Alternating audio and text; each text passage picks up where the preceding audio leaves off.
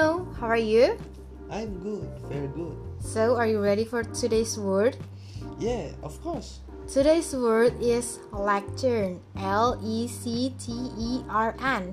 So, Bruno, do you know the meaning of lectern? Tahu nggak apa artinya?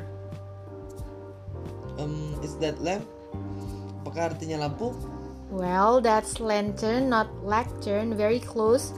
Lectern is a noun.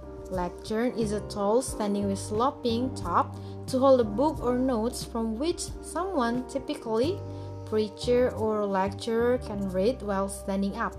Penjelasannya memang panjang tapi arti dari lectern adalah mimbar. Tahu kan mimbar yang biasanya dipakai di kampus-kampus kayak misalnya lagi ada kuliah umum atau di gereja saat pembacaan Injil. So now Bruno, Do you understand the meaning of lecture now? Oh, oke. Okay. Jadi artinya lectern adalah mimbar ya. Thank you for telling me.